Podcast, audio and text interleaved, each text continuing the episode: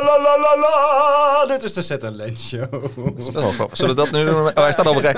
Is hij al aan? Ja, dit was per ongeluk de intro. Hallo Ah. allemaal. Zo, Hey. ik ben in ieder geval wakker. Ja, zo is het. Hallo lieve luisteraar, hier is Cedric. Jij hebt echt zin in deze radioachtige Ja. format, hè? Nee joh, ik heb Nee. geen idee wat we gaan doen. Nee, Maar ja. Ik denk, ik ben Cedric. Ik ben Lennart. En wij doen samen de Set Land Show. podcast. Joehoe. Podcast, Ja, want er zijn er nog niet genoeg van. Maar, eh, gaan we het, hoe gaan we het noemen? Gaan we het de Set Land Show noemen of gaat we het Len- Set Land Podcast noemen? Set Lens Show. De Set Land Show. Yes. Nou, bij deze, Set dames en heren. Show door je radio. Ja, we hebben, ik denk dat misschien even een beetje de aanleiding hiervoor is dat wij hebben natuurlijk een podcast gehad, Hoe dan? Die staat er nog steeds op Spotify, iTunes, waar dan ook. Goed beluisterd. Eh, goed beluisterd. Bewierookt. Ja, en een aantal van onze collega's die zijn hem nu een beetje verder aan het eh, doorzetten. En ja, wij wilden in, in die Hoe dan podcast hebben wij het gewoon vooral gehad over andere manieren van organiseren. Maar daar waren we een beetje klaar mee. We hadden dat Heel erg. een beetje erg klaar mee. Ja, maar kijk, toen we die begonnen, toen zeiden we... We gaan 25 afleveringen opnemen. Ja, maar redden we dat wel? Welke onderwerpen gaan we dan doen? Ja, dat zien we wel. En toen waren we bij 25 en dat was echt een eitje. En toen hadden we nog heel veel onderwerpen. En iedere keer als we een, podcast opnamen, dan gingen we niet van dat lijstje werken, maar gewoon... Er kwam iets in jou op. Oh, trouwens, we gaan het hierover hebben. En toen waren we bij 50. En toen dachten we, hè, we hebben gewoon de 50 gehaald. Nou, dat hebben we volgehouden tot 176 of 167. Ik weet het niet. 167, ja. Ja, maar we waren echt wel klaar mee. Ja, echt wel uit, een, beetje, een beetje het onderwerp uitgemolken. Plus, eh, we zaten gewoon niet meer zo vaak bij elkaar in de auto. Want je had een eh, grote klus bij een bank. Ja. En ik eh, toen niet. dus jij moest gewoon met de trein en met de auto naar, die, naar, die- naar Utrecht. Ja. En eh, nou, dan zaten we gewoon niet bij elkaar in de auto. En toen kwam corona. Ja, dus toen zaten we al helemaal niet in de auto. Nee, nee. Zo'n plastic scherm ertussen. Nee, wij deden niet echt aan corona. Hè? Corona bestaat niet. Nou, zijn wij zo? Nee. Corona bestaat wel, alleen... eh, nou ja, daar kunnen we het wel over hebben. Ben ik wel benieuwd naar hoe jij daarnaar kijkt, meneer. Misschien is dat... Niemand in Nederland vindt het nog interessant. Nee, ja, dat is waar. iemand anders van corona vindt. Nee, ja, oké. Ik vond het eh, heel erg vervelend. Maar tegelijkertijd, ach, je bent zo vrij als dat je wil zijn. Nou, dat kan je... Dat kan ik echt niet zeggen, hè? Nou ja, je, ja, je kan het wel zeggen. Ik denk, eh, kijk, corona is al een ding. Het is er. Mensen gaan eraan dood. Ja. Ehm, maar misschien, eh, misschien zijn we wel bang gemaakt in het begin eh, met een bepaalde reden. En Laten we, laten dat we corona prima. vermijden, maar laten we Ja. in ieder geval zoiets als vrijheid. Nee, ja, ik, ik weet daar wel een, een Ja. interessant dingetje misschien wel bij. Wat wel gelijk ook een interessant onderwerp is, want daar heb ik wat laatst wat over gelezen, is dat ehm, wat je daar ook misschien ook bij corona dan merkt, maar ook bij heel veel andere dingen merkt, is dat de, eh, eh, de minderheid bepaalt uiteindelijk waar de meerderheid naartoe gaat. Het daar maar eens of niet? Cedric Mouchon. De minderheid bepaalt wat de meerderheid gaat doen. Zal ik je een voorbeeld geven? Ja, maar dat is toch altijd zo? Dat is toch Ja. ook een wiskundig ding, denk ik? Jazeker. Want het is al, iets begint altijd bij Tuurlijk. een minderheid. Tuurlijk. En het wordt uiteindelijk altijd overgenomen door de meerderheid. Maar het is uiteindelijk ooit besloten door de minderheid. Iets begint nooit bij de meerderheid. Ja. Nee, maar dat is een grappig voorbeeld. Dat, eh, Nou ja, dat is een soort van... De, heb de, ik hem nou verklapt? Nee, nee, nee, maar ja, dat, dat, natuurlijk, het begint, dingen beginnen uiteraard bij een minderheid. Dat is, dat is niet meer dan logisch. Maar dan kan nog steeds zo zijn dat de meerderheid bepaalt waar je dingen heen gaat. Maar soms eh, valt, gaat de meerderheid, de meerderheid gaat ook uiteraard soort van gemakkelijk mee met waar de minderheid eigenlijk om, om vraagt. Dus om daar een wat concreter voorbeeld aan te hangen, is dat als je, als je een, feestje geeft en er komen een paar mensen die veganistisch zijn, dan moet je veganistische hapjes hebben. Wat de rest ook kan eten. Hè, de rest boeit dat niet zoveel, maar de rest, de rest eet dat dan ook mee. Of nog extremer misschien, in, tegenwoordig in vliegtuigen heb je geen pinda's meer. Omdat er mensen uiteraard zijn die mogelijk een pinda-allergie hebben. Dan heb je een dooie in je vliegtuig, wat je niet wil. Mijn zoontje die mag geen pindakaas op zijn brood. Oh, is dat zo? Ja. Maar ja, hij vindt pindakaas en hagelslag zo lekker. Oh, dus hij krijgt het gewoon van jou. Ik ben zo- ik ben zo'n gescheiden vader die dat dan per ongeluk. Oeps. Oh, is dat de pinda? Nee, dat was toch geen Ja, pinda? ja, Was toch speculoos? Nee. hij zit nou al eh, vier jaar op die school en ik heb nog niks gehoord over een kind met pindaallergie. Dus ik denk het zal wel ons lopen nu. Ja. Nou ja, kijk, dus, maar dat, dat is wat. Nee, dus de, omdat wij er niet als, als mensen verder. De meerderheid heeft geen last van een pindaallergie, hoop ik zo. Dus wij, eh, de meeste mensen gaan er niet dood van, ook niet dood van als er geen pinda's zouden zijn. Dus dan hebben we maar geen pinda's, want dat is dan veiliger voor iedereen. En dat geldt natuurlijk misschien ook wel voor dingen als corona, maar ook wel voor heel veel anderen. Ik vind het gewoon een grappig principe, hè, dat wij meegaan in dingen, omdat ja, voor ons maakt het niet uit. Dus dan gaan we wel mee met hetgeen wat anderen zouden willen daarin. Ik ben zo dwars en arrogant om te denken dat ik toch altijd wel vaak tegen de meute inga. Ja, maar is- dat, is doe je ook wel een beetje. hele ijdele gedachte die helemaal niet waar is. Dat ik net zo meedoe aan eh, alle sociale bezigheden. Weet, hoe noem je dat? Ja, ja, ja. Ik, ik doe ook gewoon Conventies. Mee, mee met de wereld. Conventie, Ja. Sociale conventies en regeltjes. Nou maar, Ik ben wel vrijer van plaatjes dan de gemiddelde eh, mens. Joh, kijk, dat is, dat is ook de reden dat wij natuurlijk die podcast weer opnemen. Dit is ook natuurlijk weer een pure show vanuit arrogantie. Omdat wij denken, wij hebben wel vast wel wat te vertellen. En mensen vinden het vast wel leuk om naar ons te luisteren. Echt Eh, vies. Want ja, maar dat, dat is ook wel grappig hoe dit natuurlijk ontstaan is. Dat wij dachten, nou, die podcast hebben we nu een tijdje niet meer gedaan. We missen een beetje om zo tegen elkaar te praten via een microfoon ertussen. Echt- Omdat wij anders niet zo hele goede gesprekken hebben Ja, we eigenlijk. praten bijna niet meer. dus nu hebben we gezegd dat we er nou een microfoon tussen zetten. Dan gaat het beter. Dan gaat ons ego even zin om er tijd voor te nemen. Nou, we hebben, we hebben het heel erg nodig dat er een publiek is. En. Ook al is het een publiek van één, is ook al goed. Maar eh, Dan gaan we elkaar allebei intellectueel uitdagen om ergens echt iets goeds van te vinden. Want als we gewoon met z'n tweeën praten, denken we, ja, oké, jij bent slim, ja, ik ook. Nou, oké, we vinden allebei iets. nou ja, het is ook, We zijn het is op zich... snel eens, maar we gaan dan ook wat minder de nuance. We zijn, ja... Zouden wij Clubhouse goed kunnen doen? Want weet je, wat, daar, daar kunnen andere mensen niet alleen maar... Ja, dan kunnen wij uiteindelijk bepalen wie er ook nog meepraat. Maar eigenlijk vinden we het niet zo heel erg leuk als er heel veel andere mensen met ons meepraten. Nee, nee, precies. Clubhouse is gewoon niet ons platform. Nee. Nee. Nee, wij moeten gewoon Nee. dit doen. En, en op, op Clubhouse ehm, pijpt iedereen elkaar omhoog, zeg Ja. maar. Ja. En dat doen wij ook wel met z'n tweeën. ja, dat is al genoeg, genoeg gepijp. En, en het ding met Clubhouse vind ik een beetje dat... eh, dan geef je iemand een podium, maar dan gaat diegene ook gewoon heel erg veel praten. En dat Mhm. wil ik dan inderdaad gewoon niet. Omdat ik diegene niet zo boeiend vind als jou, bijvoorbeeld. Oh, dat is lief Ja, van ik luister, ja maar dat, we hebben 167 podcasts volgelukt met groot gemak. Je moet, je moet me wij, mij wel boeiend vinden, net als dat ik jou wel boeiend moet vinden. Want anders hebben we een tuurlijk. probleem. Ja, natuurlijk. ja. Dus eh, ik vind het alleen heel erg ingewikkeld dat ik je nu aankijk. Want we hadden de vorige podcast namen we in de auto op. Dus kon ik gewoon lekker naar de weg kijken en eh, om me heen en zo. Ja, dus weinig dan ga anders. je de hele tijd zo, zit, zo indringend zitten aanstaren. En jij hebt inmiddels ook eh, stage gelopen bij een psychologiepraktijk. Mhm. Dus jij bent psycholoog in opleiding, even zo gezegd. Je bent natuurlijk afgestudeerd psycholoog, maar Ja. je bent nou ook gewoon... De aan- klinische aan kant. ja, Ja. aan het trainen. Hè? Ja. Dus nou ga je ook heel indringend zitten kijken de hele tijd. Wat ik gewend ben van Michael. Nou, ik kijk net over dat microfoon dingetje heen. Dus ik weet niet of dat, dat dan ook nog anders uitziet. Maar ik kan je natuurlijk heel goed vragen van... eh Cedric, hoe voel je je nu? Verward. Oh, Ja, ja. ik heb een ingewikkelde periode achter de rug.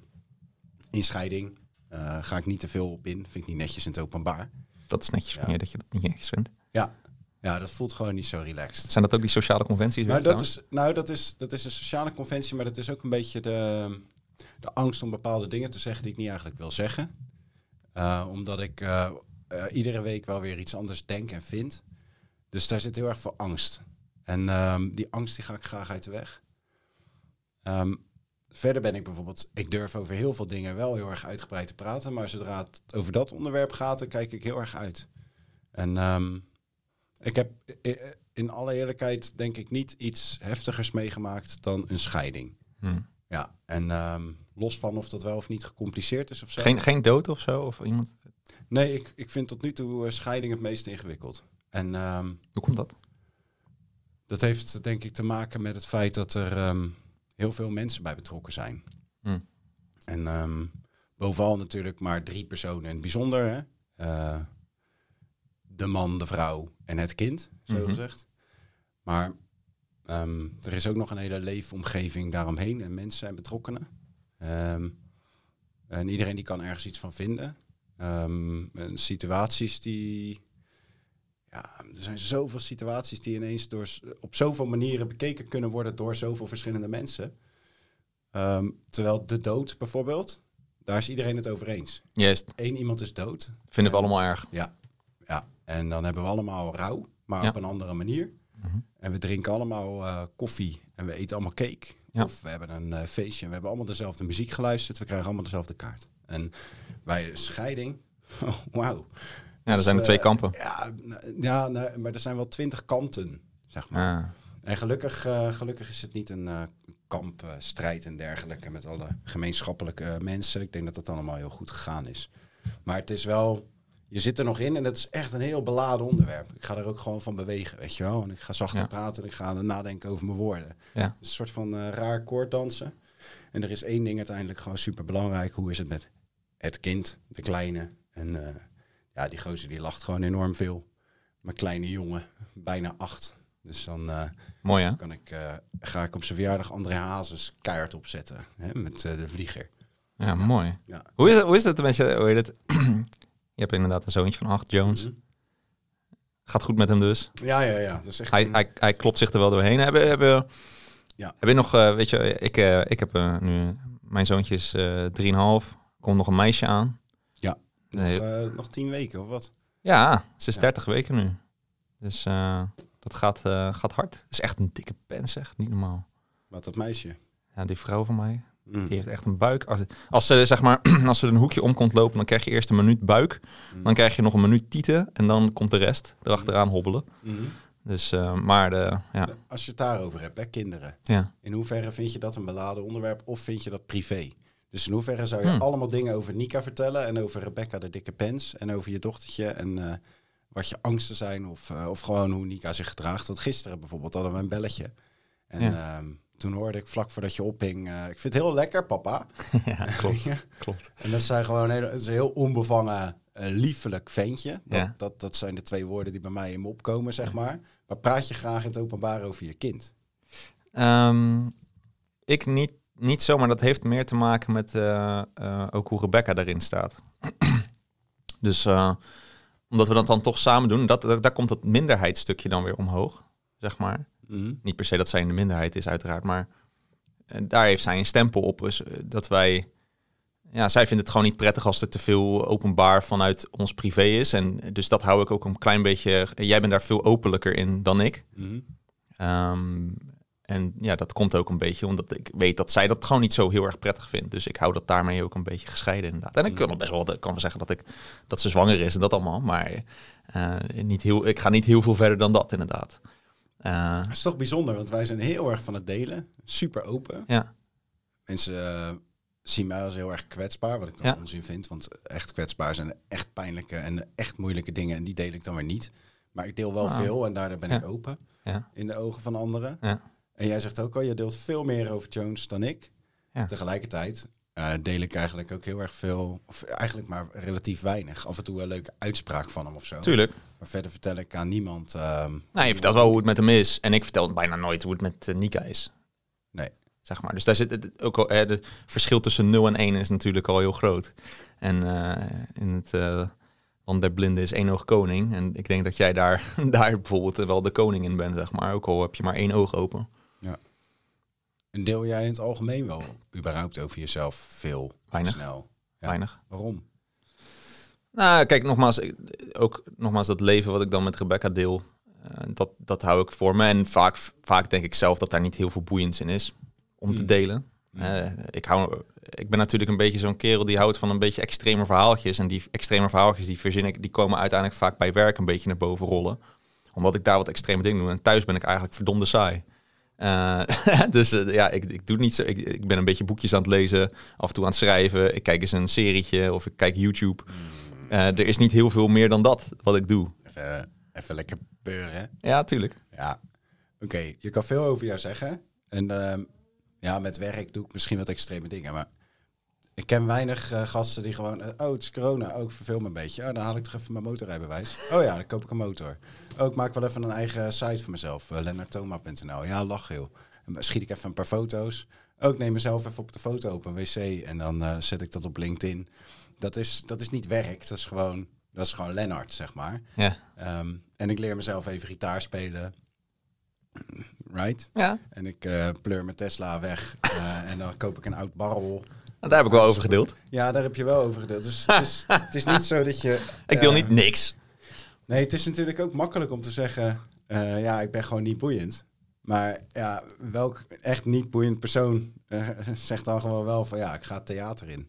Ja, nee, tuurlijk. Kijk, kijk Ik doe het wel allemaal. nee, Dus maar mijn, mijn ego is... je bent niet zo saai als dat je denkt.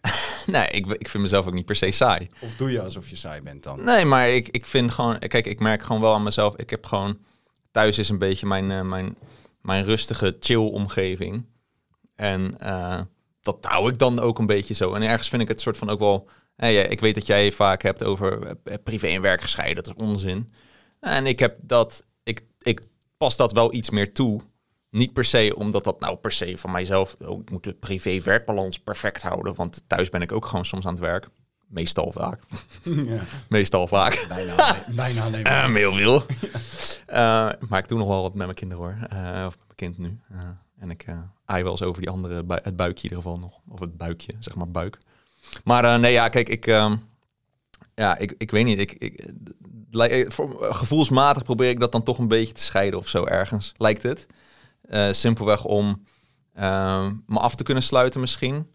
Want eh, ik, heb al, ik heb een extraverte kant. En als ik score op eh, extraversie, int- score ik meer extravert dan introvert. Maar, ehm, maar ja, ik eh, eh, ben... Ja, dat, dat is het, zeg maar. Weet je, als, ik, als ik dan wel thuis ben, dan, dan komt mijn introverte kant toch wel een beetje om. En dan vind ik het lekker om even helemaal alleen te zijn. Weet je wel, ook eh, Rebecca gaat wat eerder naar bed dan ik.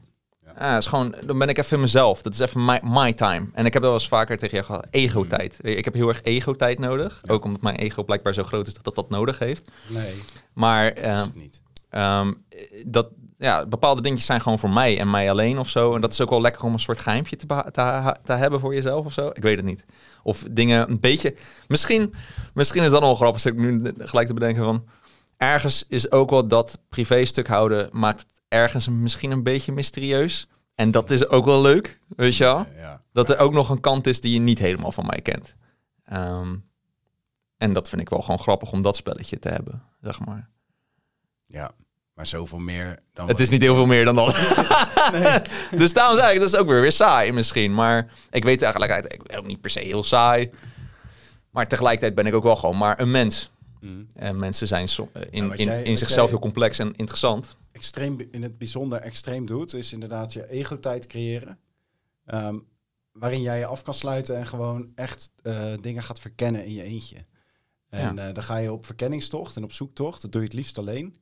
En dan heb je iets ontdekt en dan ga je dat gelijk delen. Dus Ja. dan eh, heb je zo een handvol mensen waarvan je zegt... oh, wat ik nou heb gelezen, wat ik nou heb gehoord, wat ik nou heb gezien. Moet je nou ook eens kijken. En, Ja.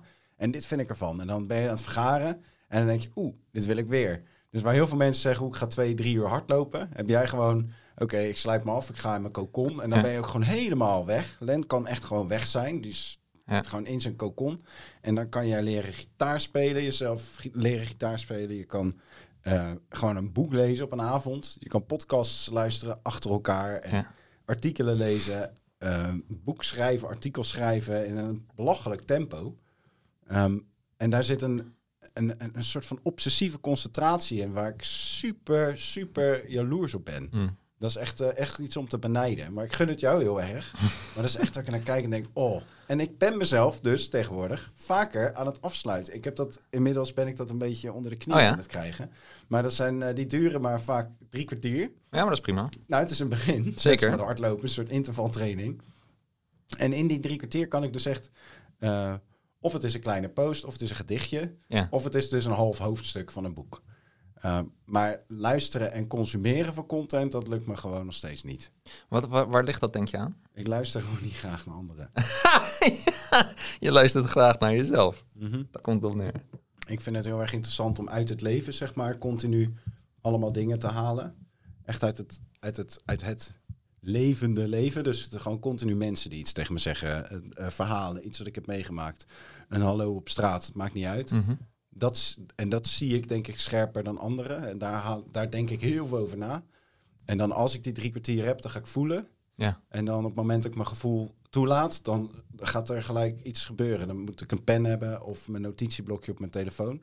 En dan is het altijd schrijven, eigenlijk. Hoe ben En je daar? anders. Hoe ben je? Want dat vind ik, dat vind ik dan weer. Dit is lekker veer in elkaars reet steken, maar dat vind ik dan wel weer heel erg knap aan jou dat jij heel goed je gevoel kan verwoorden Mhm. of kan aanvoelen en dan ook nog eens weten te verwoorden of eh, erbij kan blijven enzovoort. Hoe, eh, hoe, Ja, hoe ben je daartoe dus de- gekomen, zeg Nou, maar? dus hoe heb je dat zo. geleerd? Nou, dat begon eh, eigenlijk als, toen, als ik heel erg Eerst zeg je het is niet zo en dan even later zeg je nou dat heb nee, ik zo. nee, het ding is dus dat mijn gevoel op papier komt, maar het is niet dat ik bewust eh, daarmee bezig ben. Want dan Mm. lukt het niet meer. Dan ga ik nadenken over mijn gevoel. Ja, ja, je, moet niet je gelijk. moet niet je ratio erbij eh, betrekken. Nee, dus zodra ik gewoon eh, blind ga schrijven, Mhm. dan kan het zo zijn dat ik een half uur later het ga teruglezen en denk, wat staat er eigenlijk? Ja, ja, ja. dan ben ik gewoon, dan ben ik er soort van niet. Het is bijna meditatief. Ja, mooi. En er zijn ook, heel, vooral met de gedichten is dat zo. Dan heb ik gedichten geschreven, die snap ik twee, twee weken, drie weken of drie maanden later pas. Dus dan maak ik dingen mee in mijn leven of dan herken ik een patroon. Dan denk ik, ah fuck, daar ging dat gedicht over. Ja, Dus het voelt ook niet alsof ik het per se schrijf of zo. ah, ja. Het is meer, je, Nou, dat is wel, dat is wel mooi dat je dat zegt. je gaat uit en daardoor ga je ja. aan. Ja, nee, nee, nee. Ja, dat is mooi dat je. eh, ik had, eh, en dan kom ik weer met mijn ratio-ding dan. Maar ik had een, eh, ook weer een andere podcast beluisterd waar het ging over de divided brain. Hè? Je, je linker en je rechter hersenhelft. En daar zijn natuurlijk bepaalde ideeën over van rechts, links, is, links is rationeel, rechts is creatief, eh, links is eh, eh, het intellect of ideeën en rechts is gevoel enzovoort. En er was daar zo'n onderzoeker en die vertelde dat, ehm, dat het nog wat complexer eigenlijk is dan dat. Dat misschien het, dat het rechterbrein, of hoe wij dat rechterbrein zeg maar conceptueel bedenken, een beetje dat creatieve stuk of dat gevoelstuk, is eigenlijk nog, nog belangrijker dan we eigenlijk al denken. Omdat als je rechterbrein uitvalt, rechterdeel van je brein uitvalt, dan functioneer je dus niet. Dus je linkerbrein alleen met dat ratio alleen, dat, dat, dat kan niks. Dus mensen die daar, weet ik veel, eh, een of ander ding aan hebben, die, die, die kunnen echt niks. Die, die, die zijn alleen maar aan het kwijlen. Terwijl als je linkerbrein uitvalt, dan kan je nog een hele hoop. Mhm. Ehm, dan is bepaalde plannings, planningsdingen bijvoorbeeld, lukt dan even niet. Of iets, Nou, iets weet je, of Komt dan mooi uit, dat kon ik toch al niet. Nee, dat is bij jou misschien altijd al, nee, al uitgeschakeld, wil ik Nou, niet zeggen. Maar Ik weet, ik weet één ding zeker, en dat is dat intellect en structuur en planning, zeg maar, als dat linker hersenhelft is, die doet minder bij mij dan mijn rechter. nee, maar kijk, dat is dus het grappige. Dus je rechter hersenhelft, daar zit eigenlijk ook nog een heel groot stil, stuk van juist je intellect in. Oh, Eh, dus ehm, meer dan wij denken. Wij denken dat dat dan linker hersenhelft is, maar hij zei dat het als rechter hersenhelft. Maar daar zit dus wel echt een divide. En, de- en, en zodra je... dan gaan de IQ-tests waarschijnlijk over de linker hersenhelft, want daar scoor ik dan niet zo belachelijk hoog op. Nou ja, dat hangt vanaf hoe- dat- creatieve test of zo. Scoor je daar niet ho- hoog genoeg op? Weet je wat je dan moet... Nou, wel- Nou, als je, als je nog hoger zou willen scoren misschien, of als dat, als dat je Nee, doel zou zijn... oké, het is wat het is. Precies, maar als dat je doel zou zijn, dan zou het waarschijnlijk moeten zijn dat je je intuïtie iets meer moet voelen, eh, volgen. Ja. Dus als je dan een antwoord zou moeten geven, dan moet je gewoon het eerste wat in je opkomt doen en niet er te lang over nadenken, want dan komt je Oh, ja. slechtere hersenhelft naar boven die dan denkt, oh, daar gaan we nog even over nadenken en dan gaat het mis. Ja. Dus, dus, en dat was, ik vond het wel interessant. Ehm, en eh, omdat, omdat bij jou dat ook, wat je, hoe je het beschrijft, zeg maar, als je het uit bent, gaat- ja, dan gaat die aan. ja, En ehm, dat is eigenlijk op het moment dat mijn ehm, ratio het zeg maar niet meer trekt. Dus als ik, het, als ik overmand word door emoties, eh, spanningen en eh, situaties in mijn leven die worden te gek, dan moet ik soort van ontladen. mhm, En dat doe ik of, ehm, nou ja, ik heb de neiging tot verdoving, of het nou met drugs is of eh, seks. Ehm, en dan wil ik dat ontwijken. Dus dan denk ik, nee, oké, want dat is geen zelfliefde. dus dan ga ik soort van, oké, op mezelf zijn. Ja. En dan als ik op mezelf ben. En ik ga echt een soort van, ik, ik doe dan geen ademhalingsoefeningen of meditatie, maar dan pak ik gewoon een, eh, een, een, een klaplok zonder doel, klaplok potlood. Dan ga ik zitten, achterover, een beetje schemerdonker. En dan, en dan ga ik maar gewoon, dan schrijf ik een woord op. En, dan dan, komt laat ik gaan. En dan eh, kan ik soms drie uur lang weg zijn. Ehm, maar over het algemeen, als ik er gewoon voor ga zitten, lukt drie kwartier altijd wel. Ja. Drie kwartier is net te kort voor een hoofdstuk van een boek. Mm. Eh, maar altijd goed genoeg voor één gedicht of eh, één post of twee posts. En ehm, vaak lees ik de volgende dag wat er staat. En dan denk ik, oh ja, geen idee. Ik ben, het soort echt, eh, ik ben er niet bij. Ja, oude- Heerlijk. Zone out. Ja, totale zone-out. Ja, en iemand die kan dan tegen me praten, ook geen idee. Ja, en als je me daar uithaalt, dan word ik echt heel zagrijnig. Net als iemand die wakker gemaakt wordt overdag. Of zo. Ja, ja, ja, ja, herkenbaar. Ja. En, dat, en ik, ik wist helemaal niet dat ik dat had. Dat is nu, weet ik veel, sinds, nou, sinds een maand of tien, twaalf, Ja. zoiets. Ja. Eh. dus in, in, in slechte, erbarmelijke tijden start dat. Hmm. Ja, dat is ook wel interessant, hè? Ja. Dat dat soort, eh, dat soort dingen toch veranderen. Ik was toevallig vandaag met een eh, blogje begonnen over dat ik, hè, ik twee keer bijna dood, maar ik ben niet veranderd. Is dat echt zo? Ja, dat weet ik niet. Ik denk juist, ik denk dat wij allebei heel erg veel hebben gehad aan het feit dat we bijna dood zijn geweest. Ja, maar gevoelsmatig, eh, ik, je hebt dan eh, nee, heel veel andere mensen een beetje in onze omgeving, die sprekers die daarover, over, hè, Ferry Zandvliet, die belde me toevallig net. Sorry Ferry, ik nam niet op. Ehm, maar ook eh, andere mensen, zeg maar, in, die, die er, hele erg dingen en daar echt een ander mens door zijn geworden. En dat gevoel heb ik bij mezelf totaal niet. Dat ik, Nee. Nee, nee, nee, Snap je? Kijk, ik kan er, het kan wel dat ik ervan geleerd. Kijk, ik heb, er een leuk, ik heb er een leuk verhaal uitgehaald, zeg maar. En het, was, het is een leuke anekdote, maar ik ben niet heel erg in mijn, mijn optiek als mens veranderd door die dingen.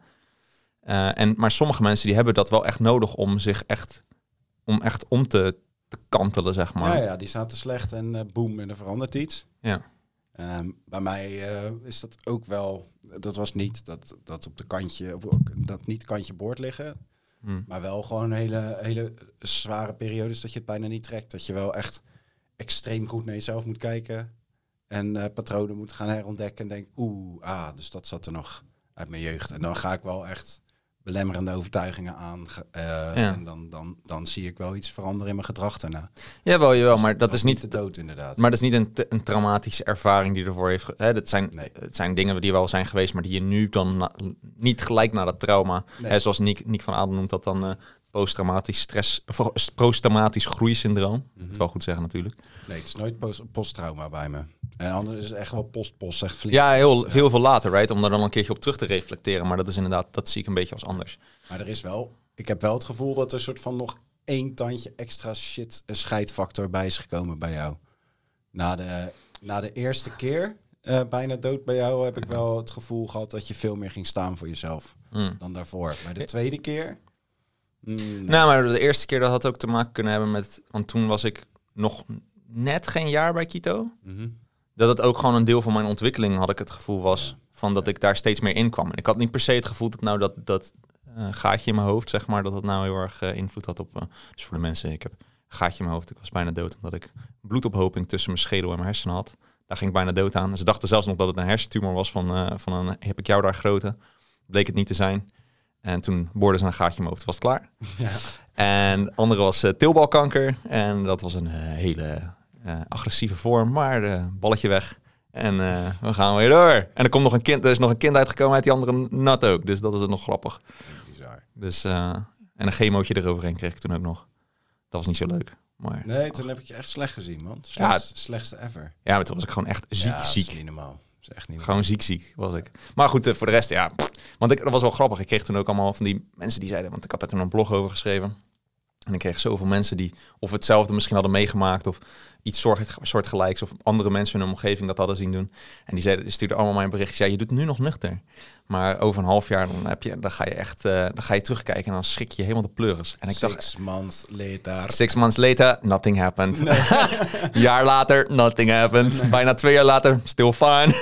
dus ik heb nog steeds, ja, ik weet niet, ik, ben- ik zit, ja, dat is eh, nou ja, dat emotionele stabiele wat bij mij er heel erg in zit. Dat ik daar, ik word hoeveel, daar, eh, hoeveel score je hebt de Big Five test ook alweer op neuroticisme? ja, dus de, omge- de andere kant daarvan is emotionele stabiliteit. Ik score op het nulde, nulste percentiel van neuroticisme. Oftewel het honderdste percentiel van eh, eh, emotionele stabiliteit. Ja. Ja, dus dat is best wel extreem. Nul van de honderd. Ja. het is gewoon, zeg maar, als je gewoon met een balletje zou gooien op een emmer, zeg maar op 10 meter afstand, ehm, dan zou je van de 100 balletjes er eentje per ongeluk ingooien. Maar jij echt gewoon niet. Bij de duizend, Nul. bij duizend misschien één, net. Ja. Ja. Nee, dus dat is wel, dat is voor mij heel lekker. Cold as ice. Ja. Nou ja, in de zin van eh, hoe ze emotionele stabiliteit beschrijven is, eh, kan wel emotie voelen. Heeft toch ook gewoon eh, emoties, maar emoties komen niet heftig, ontstaan niet snel, blijven niet lang aan. En, en, en zijn er dus ook niet voor lang. eh, dus je bent er snel vanaf of je, bent snel, je gaat snel over. En dat gaat dan voornamelijk met over negatieve emoties. Want positieve emoties kan ik dan wel weer wat langer vasthouden. Uh, maar negatieve emoties die komen en gaan bij mij alsof het niks is. Binnen 10 seconden of zo. Ik kan even 10 seconden boos zijn. Mhm. En dan ben ik niet echt schreeuwend boos. Of ik zal nooit met tafels of stoelen smijten. En dan, en dan ben ik heel even boos. En dan eh, is het, oh, eh, het is klaar. Is dit, ook, ehm, is dit ook een van de redenen dat jij best wel luchtig eh, informatieve content schrijft? Wel gewoon, je schrijft het wel heel erg licht en funny. Mhm. Eh, maar het is vrij weinig doorleefd of eh, beladen. Ja, ook omdat ik die beladenheid niet zo heel erg snel natuurlijk zelf meemaak. Pompidom, ik had even kanker. Pompidom, gaatje in mijn hoofd. Ja, nou, dat meer, meerledig denk ik. Ehm, aan de ene kant ook omdat ik het inderdaad ook echt zo ervaar als... Ja, oké, dat gebeurt. eh, vervelend. We gaan er even doorheen en dan is het weer klaar en we zien wel. Ehm, maar tegelijkertijd dik ik hem natuurlijk ook wel een beetje aan... omdat ehm, ik dat ook een interessante andere soort boodschap vind... dan de... Oh, kijk nou wat er met mij is gebeurd. Verschrikkelijk. En ik voel me zo naar. Ik ben zo zielig. En, enzovoorts. En eh, het kan ook gewoon zijn van, dit is best weet je, ook al is het een nare situatie, kan je het nog best wel grappig maken. Ehm, ook omdat ik denk, nou ja, heet het? ik denk dat er wat soort stoïcisme bij mij heel erg in zit en, en ook een, ehm, eh, ik hou ik hou heel erg van eh, comedy en cabaret en weet ik veel wat allemaal, ook omdat ik heel erg het gevoel heb dat over alles een grapje gemaakt moet kunnen worden en eigenlijk ook moet worden gedaan, zeg maar omdat anders maken we het veel te serieus voor onszelf. is niet zo leuk. Dus, dus ik probeer dat dan ook met de dingen die bij mij dan overkomen. Die zijn dan niet zo beladen. Ehm, wel misschien, ik weet niet, zou je het doorleefd noemen, denk je? Wel? Nou, Of dat niet echt? doorleeft misschien wel. Het is allemaal uit het leven gegrepen, maar er zit, Ja. er zit vrij weinig... ehm, vrij weinig... Er zit gewoon niet tot nauwelijks echt lading op. Is, vind je het dan ook niet diep gaan, zeg maar? Qua kennis vaak wel, maar niet qua... eh, nou, Gevoel. nee. Nee. En het, het leest fantastisch lekker weg. Ja. eh, en het is vaak wel scherp beargumenteerd. Dus er zit vaak wel scherpte in. Eh, ja, maar niet diep, diepe, Nee. diepe feeling. Je gaat nooit van mij huilen, zeg maar. Nee, bij mij, wij, jij en ik hebben totaal andere content ook als je kijkt naar LinkedIn. Dus bij mij zit er soms wel eens, ah, mijn zoontje zei en een vraag over het leven. En Mhm. soms denk ik daarna ook wel eens, oh, gadverdamme. Ik krijg ook wel eens van mensen kotsberichtjes. Echt? Ja, Ja, mensen die even boos op me zijn. En eh, ehm, ja, er zit wel eens gewoon, eh, het, is, het is lekker luchtig. Het is gewoon heel licht. Het is licht verteerbaar. Je, je, maakt, eh, je maakt ingewikkelde onderwerpen ook simpel. Dus wetenschappelijk, eh, wetenschappelijke topics weet je ook simpel uit te leggen. Dus ik vind dat heel leuk. Maar soms mis ik de emotie wel eens. Ja. Maar dat is meer mijn stijl. Ja. Dus ja, dat hoef jij ook helemaal niet te doen. Dat boeit helemaal geen reet. Nee, dat is dus het ding, dat die emotie door mij dus niet altijd... Of, eh, die zit er gewoon minder in. Nou, dat Ook, gaat dus ook over dat eh, wel of niet delen van huis uit. Ja. Eh, van, van, van, over privé of zo. Mhm. Ehm, soms heb ik bij jou, dat heb ik wel eens gezegd, maar dat hoeft natuurlijk helemaal totaal niet. Maar als je verbinding wil maken met mensen, dan is het belangrijk dat je ook regelmatig dingen van jezelf deelt. Weet je? Dat maakt het makkelijker in ieder geval om verbinding aan te gaan. klopt. Overigens, dat hoeft niet. Want je kan ook wel verbinden gewoon op, op hobby's of op topics. En dan, eh, ja, het gaat al aan. Maar gewoon die diepe connectie maken met mensen op gevoelsbasis en zo. Dat zou je wat minder snel doen. Daar ben je ook veel selectiever in dan ik. hè. Mhm. Blijft dat gewoon... En dat, dat deel, zeg maar, dat stoïcijns aan jou, dat blijf ik een soort van hilarisch vinden. Ik ken niemand die dat zo extreem heeft. Ja, Gewoon niemand. oké. Ja, ik weet het niet. Ik, eh, ja, ik, voor mij is het gewoon ook inderdaad... Ik, ik ben dan selectief in de mensen die ik dicht naar me toe haal. En als ik ze dicht naar me toe haal, dan zal ook daar... Ja, er- komt niet heel veel emotionele lading of eh, frustratie of weet ik veel wat uit of zo. En eh, mijn vader is ook een beetje zo. Dus die, die is ook zo'n nuchtere, weet je wel. Ja. ja. Ja, ik heb geen sixpack, maar een sexpick. Ja, bijvoorbeeld, weet je, gewoon de. Dus, eh, en, en wat ook wel grappig, dat je zei eh, dat soort van simpele, dat ik dingen bijvoorbeeld, weet, dat is wel grappig, of daar zit er misschien een onzekerheid, wat wel interessant is dan, is dat ik, ehm, ik maak dingen inderdaad simpel, maar soms denk ik, om, dat doe ik omdat ik het anders zelf niet begrijp. Snap je? Ja. Dat ik, dat ik te, te dom ben om het complex te maken. Mhm. Maar tegelijkertijd vind ik het ook wel weer slim van mezelf dat ik het simpel kan maken. Dus ik switch daar in mijn hoofd. Maar ik, dat is ook wel een grappige... ehm, soms tegenstelling in mijn hoofd of zo. Mhm. Kan je het wel complex maken? Weet ik niet. Heb je het wel eens geprobeerd? Nou, als ik het... Dat was in mijn studie wel, moest je wetenschappelijke artikeltjes schrijven en dan maak je dingen. Maar dat is gewoon omdat ik niet kon schrijven. Daar komt het eigenlijk om neer. En nu heb ik het gevoel dat ik beter kan schrijven. Ik zeg niet dat ik kan schrijven, maar Moest ik je, het in kan. Moest je het in Japans doen? Toen was het helemaal belachelijk slecht. En dat was nog best wel simpel. Want dat was gewoon, eh, ik ga naar Tokio, dat was leuk. Dus dat ik, veel verder kwam ik dan, eh, dan dat kwam in Japans niet. Maar, Maar vond Tokio helemaal niet leuk. ik, vond, ik vond Tokio hartstikke leuk. Ja. En Japan heel leuk, maar ik ging er niks mee doen. Japans zelf, dat eh, boeide me niet dan weer niet Nee. zoveel. Nou ja, kijk, weet je, ik weet niet. Ik, ehm, ja, ik weet niet, dat simpele, dat zit erin. Er zit, ja, er zit een soort stoïci- stoïcijnse... eh, nou ja, niet sto, stoïcijns heeft een soort van negatieve connotatie, maar meer dat stoïcisme als soort van filosofie of way of life, Ja. dat, kom, kom dat op een past volgende wel. vraag. Vind jij, Oh. je- vind jij jezelf boeiend? Soms wel. Niet altijd. Wanneer niet? Als ik geen likes krijg, nee. nee. nee, als ik... eh nee, ja, kijk. eh, soms dan zitten mijn gedachten... Loop ik vast of zo? Of komt er niks nieuws? Of heb ik geen nieuwe inspiratie of zoiets? En dat, heeft, dat is vaak op momenten dat ik het heel druk heb. Of druk, dat ik me druk doe. En dat ik, dat ik geen tijd neem om die ego-tijd in te, in te schakelen. Snap je? Ja. En als ik, als ik dus wel het verlangen dus. het verlangen om... Om eh, boeiende dingen te creëren. Ja, ook gewoon voor mezelf vooral. Mhm. Omdat ik... ehm, Volgende vraag. Doe je ertoe? Ja, is, eh, Waarom? Wat kom je doen op aarde dan? nou, ik, ik ben er voor, voor mijn zoontje en mijn vrouwtje en heel veel mensen om me heen waarvan ik denk dat ik daar toch een, eh, een, in, een, een bepaalde impact en ook wat nog verdere kringen daarbuiten, dat ik toch misschien sommige mensen met mijn ideetjes of mijn simplistische uitleg van dingen toch een beetje op andere manieren iets kan laten zien. En dat vind ik wel leuk om te doen. Kijk, en hier vind ik het zeg maar grappig, hè? Dat het dan ideetjes en op simplistische manieren een beetje ertoe kan doen. Ja, ja, ja. Dus doe je ertoe? Ja. En misschien ook wel voor die mensen die het een beetje... Dus, dus dat stoïcisme, dat zit er altijd, zeg maar, op dat vlak dan ineens een beetje in. ja. Ehm, maar ik hoor, ik hoor weinig mensen zo stellig zeggen, ja, ik doe ertoe. Mhm. Ik, eh, ik had drie uur geleden nog gezegd, nee, nee, ja. En ik heb net een sessie gehad met Mike. En Ja. daarom kom ik hier ook op. dat ik echt dan denk van, ja, ik zit, ik zit eigenlijk een soort van uit een of ander soort van stoïcijns wereldbeeld. eh, ben ik ehm, alles maar wat minder relevant aan het maken. Zodat ik zelf ook Ja. niet relevant hoef te zijn. Mhm. Omdat daar een soort eh, angst omheen zweemt, weet je wel. Ehm, terwijl als ik hem op- ja, aan jou op de man afvraag, zeg ik van ja, ik doe ertoe.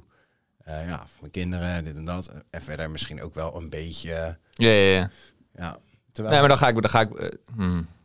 Er zit een soort, eh, er zit, ik weet niet of het is niet valse bescheidenheid, maar er zit wel dat ik, ehm nou ja, dat ik niet, dat ik niet de hele tijd maar borstklopperij wil doen, weet je wel. En dat ik ook, dat ik ook weet dat ik op heel veel dingen fout zit of niet de juiste gedachten heb en nog veel te leren heb.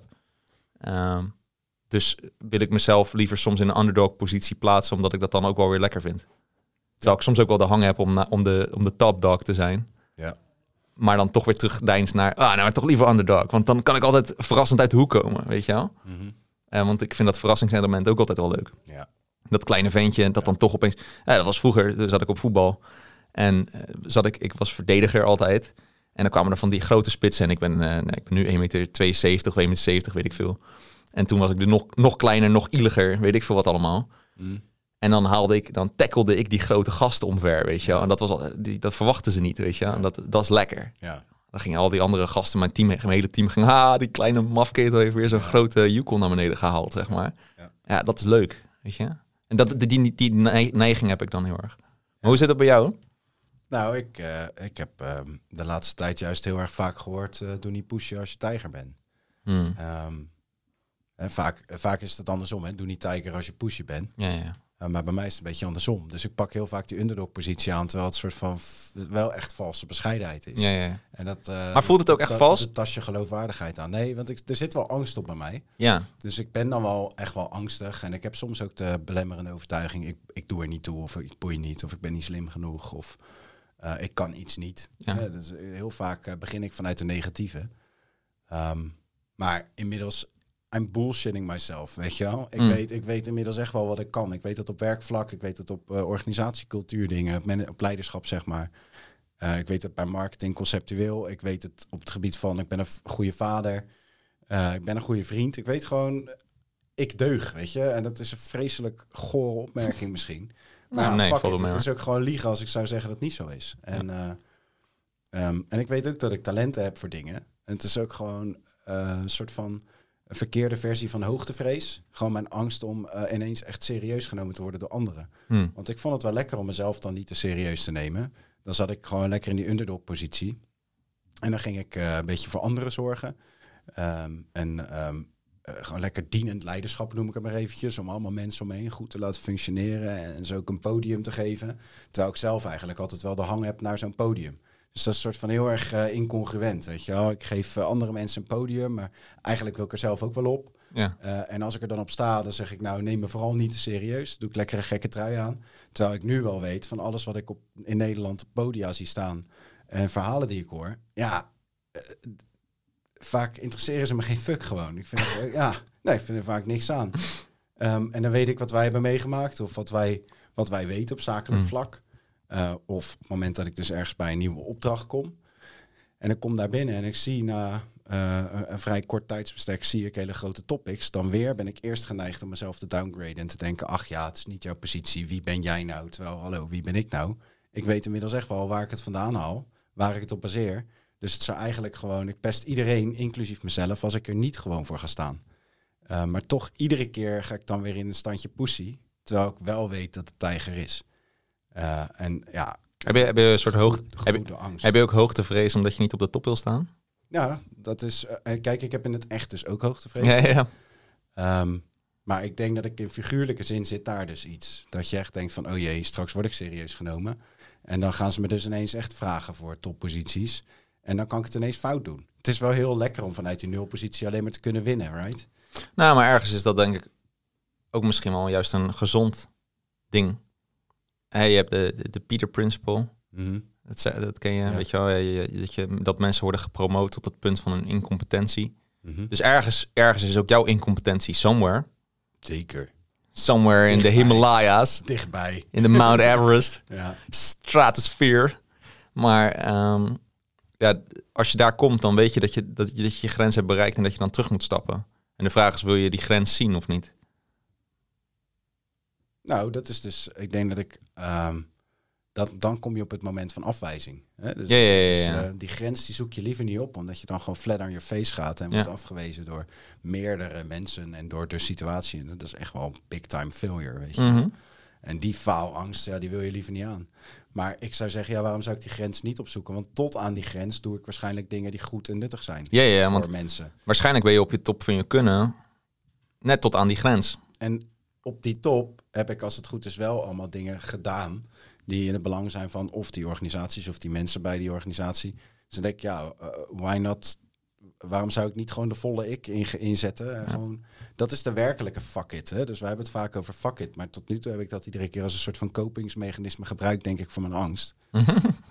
Terwijl de werkelijke fuck it is, oké, voel gewoon all in. Echt all in. Hmm.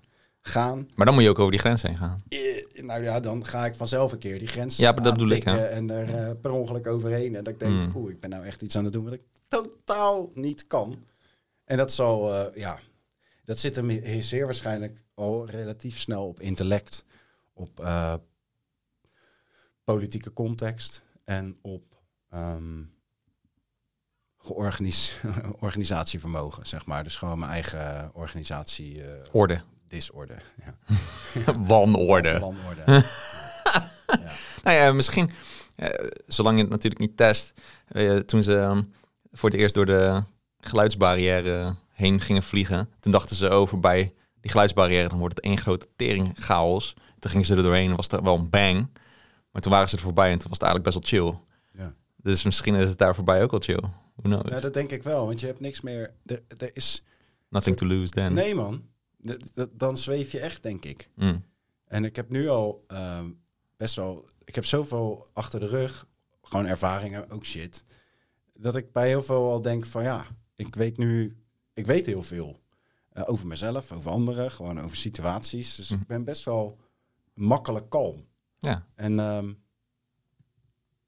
nou, dat, eh, zo licht ik beef, zo zwaar ik zweef, weet je wel. Dus in, in zekere zin, als ik nog maar een klein beetje die angst heb, dan zweef je als een motherfucker. En dat lijkt me wel heerlijk. Dus de- eigenlijk moet je gewoon al die angsten toch aangaan. Mhm. En daarin ben ik een soort van wel een thrill seeker. Ehm, maar niet in het real life. Ik durf niet hard van een berg af te skiën. Ik durf niet eh Nee, hoog te staan. Maar dat zijn misschien minder boeiende angsten. Ja, maar of, of meer reëel. Want daar kan je echt dood aan gaan. Zeg Hmm. maar. En met alles waar ik, ik mezelf emotioneel uitdaag.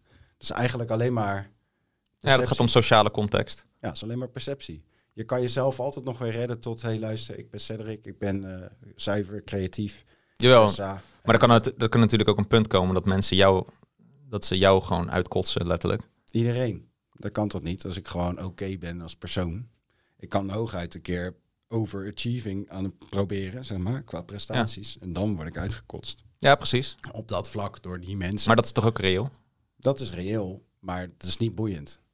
Dat weet je niet. Want het doet nogal pijn. Ik denk dat... eh kijk, Maar stel, het, feit dat je niet, het feit dat je niet op een berg gaat staan, eh, lekker boeiend. Er zijn geen bergen in Nederland, weet je. Hugo de Jonge. Ja. Misschien heeft Hugo de Jonge zichzelf overschat door zijn post aan te nemen. En die is eigenlijk gewoon...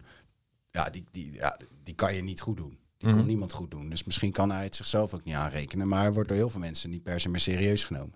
Dat begon al een beetje bij zijn schoenen. Hij was toch een beetje die flamboyante gast. En dan ga je zo'n zware post aannemen, maar je blijft wel lekker bij je schoenen. En eh, je gooit er eens een keer een leugentje in. En je zegt eens een keer, ja, het komt allemaal goed. Gewoon heel erg ingewikkeld. Stel nou, die heeft in het oog van een paar miljoen mensen gefaald. Denk je dat zijn vrienden hem afwijzen? Ik hoop het niet voor hem. Nee, ik denk het niet. Zijn vrouw ook niet. Hij gaf pas wel de vrouw zijn schuld van het feit dat hij verkeerde was. Zei dat? Ja, daar was iets mee. Was een licht narcistisch trekje was Oh, dat. oeps. Oeps. Ja. Ik weet niet meer wat dat was, joh. Ik heb ook geen idee. Ik kijk geen nieuws.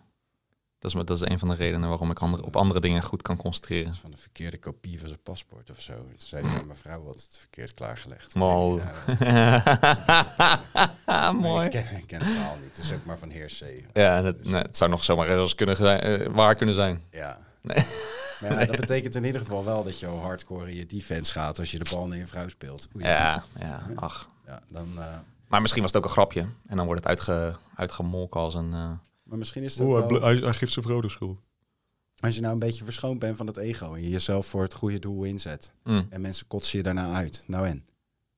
Toch? Ik, ik, nou ja, Net als Merkel, die offert zichzelf toch ook gewoon met de hele lijf en leden op voor de good cause, zeg maar. Eh, maar er zijn toch ook miljoenen mensen die een haar hebben. Ja. She doesn't give a fuck. dat weet je niet. Nee, dat weet ik niet. Nee.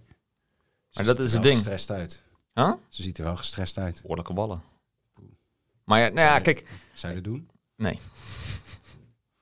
Side note. Jammer, hè? Neem ik. Meghan Markle of, eh, of, of Merkel? Angela Merkel. Welke van de twee bedoelde je nou? Marco. Ja, ja nu weet ik het nog niet. Ja, kies maar. Ja. Twee deuren, links of rechts. Ja, kut. Je moet, ja, zeg Nee. je, je moet het doen met de kans dat het Marco is of Merkel.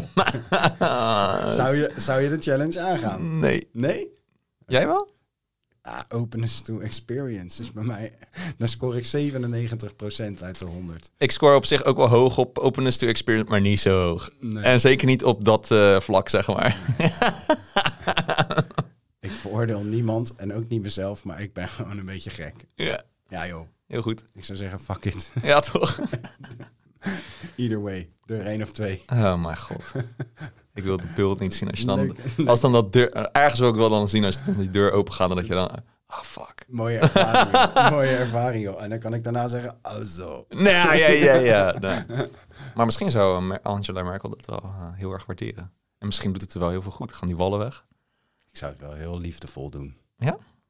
Dat zei ik meer dan uh, liebesrakette. Maar goed, dat was... eh, Ja. Eh, interesting. Interesting. Ik eh, vind het wel goed geweest, eh, meneer. We kunnen wel lang eh, doorgaan, maar... Nou, dit is dus de Set en Len show. De Set en Len show, die Ja. gaat overduidelijk over Set en Len. Ja, en het gaat verder helemaal... naar- gaat alle kanten op, zoals je hebt gemerkt. Ja. deze aflevering. Dit is de meest egocentrische podcast van heel Nederland. Dat Hey. waard. Zo. En als je, als je ons boeiend vindt, dan kan je luisteren naar onze verhalen over onszelf. Wij vinden het in ieder geval wel interessant, want wij doen weer een soort van... je leert elkaar toch weer beter kennen. Er zit wat meer diepte in. Precies. Ja, en wij houden van onszelf en van elkaar. We gaan ook, we gaan ook wel waarschijnlijk wel een wat langer vorm. Ja, we zullen het waarschijnlijk wel zien. So- Sommige afleveringen zullen misschien kort zijn, maar sommige lang. Maar dit, dit langere format eh, trekt me wel. Iets langer dan wat we eerst deden. Ik zie eh 48 minuten. Dat is best netjes. Het vloog om. Ja, En ik vond het ook de hele tijd heel boeiend. tuurlijk. Ik doe er toe. Ja, heel goed, Zet. nou, doe je allemaal. Doe je allemaal. Ciao, ciao. Tot de volgende keer. Love yourself. Yeah. Kill yourself. Nee.